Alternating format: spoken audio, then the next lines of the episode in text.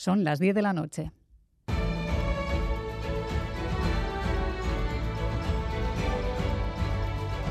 Radio Euskadi y Radio Vitoria. Servicios informativos.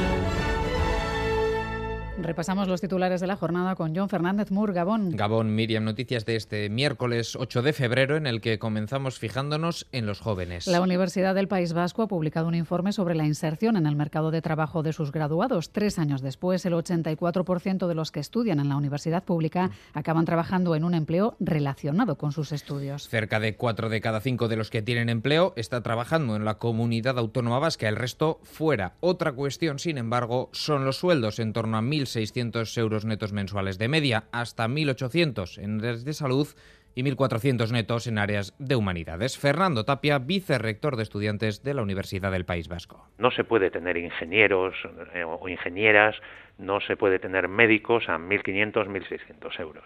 El esfuerzo que hacen eh, los y las estudiantes para tener una, buena formación, para adquirir las competencias necesarias para, para estas profesiones que además tienen mucha responsabilidad, pues no, no puede ser luego recompensada con esos salarios tan exiguos. Según el informe, 20 grados de los que se imparten en la UPV garantizan al 100% un puesto de trabajo. El alumnado consciente de la realidad, los salarios son bajos y tienen presente la opción del extranjero. Con lo que estudio que en medicina sí que he escuchado que los salarios son bastante bajos en comparación con otros países, por ejemplo de la Unión Europea, y que por eso hay tantos chavales que acaban yendo fuera. Por contactos que he tenido con ciertos médicos que hemos estado en prácticas, hoy sí les preguntarían si volverían a estudiar medicina o no. Eh, muchos me han dicho que no por el tema de salarios. Sí, por lo que nos cuentan y lo que vemos, los salarios no están muy equiparados eh, con nuestro trabajo. Es verdad que no recibimos el salario que merecemos por nuestro trabajo y en cambio en otros lugares de Europa sí. La juventud lo tiene muy complicado. Es la lectura que ha hecho en Gambara el economista y profesor e investigador de Mondragón Universitatea, Jule Boyain. El precio de las viviendas y los salarios. Mientras esas dos variables eh, no se empiecen a equilibrar, pues la juventud lo va a tener muy difícil porque es el colectivo más golpeado, pero lógicamente toda la sociedad, eh, bueno, pues hay en todas las capas de la sociedad gente que lo está pasando realmente mal para poder acceder a una vivienda.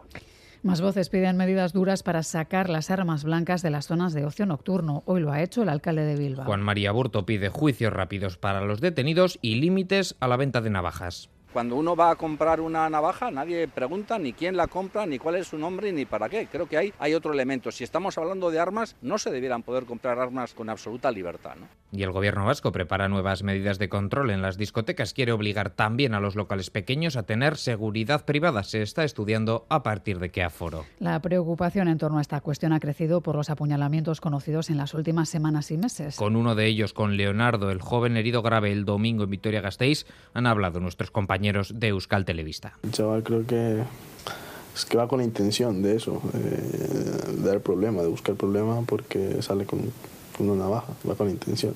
Yo no salgo de mi casa con un cuchillo, digamos, y vamos a poner un ejemplo que yo salgo con un cuchillo, pues es para usarlo.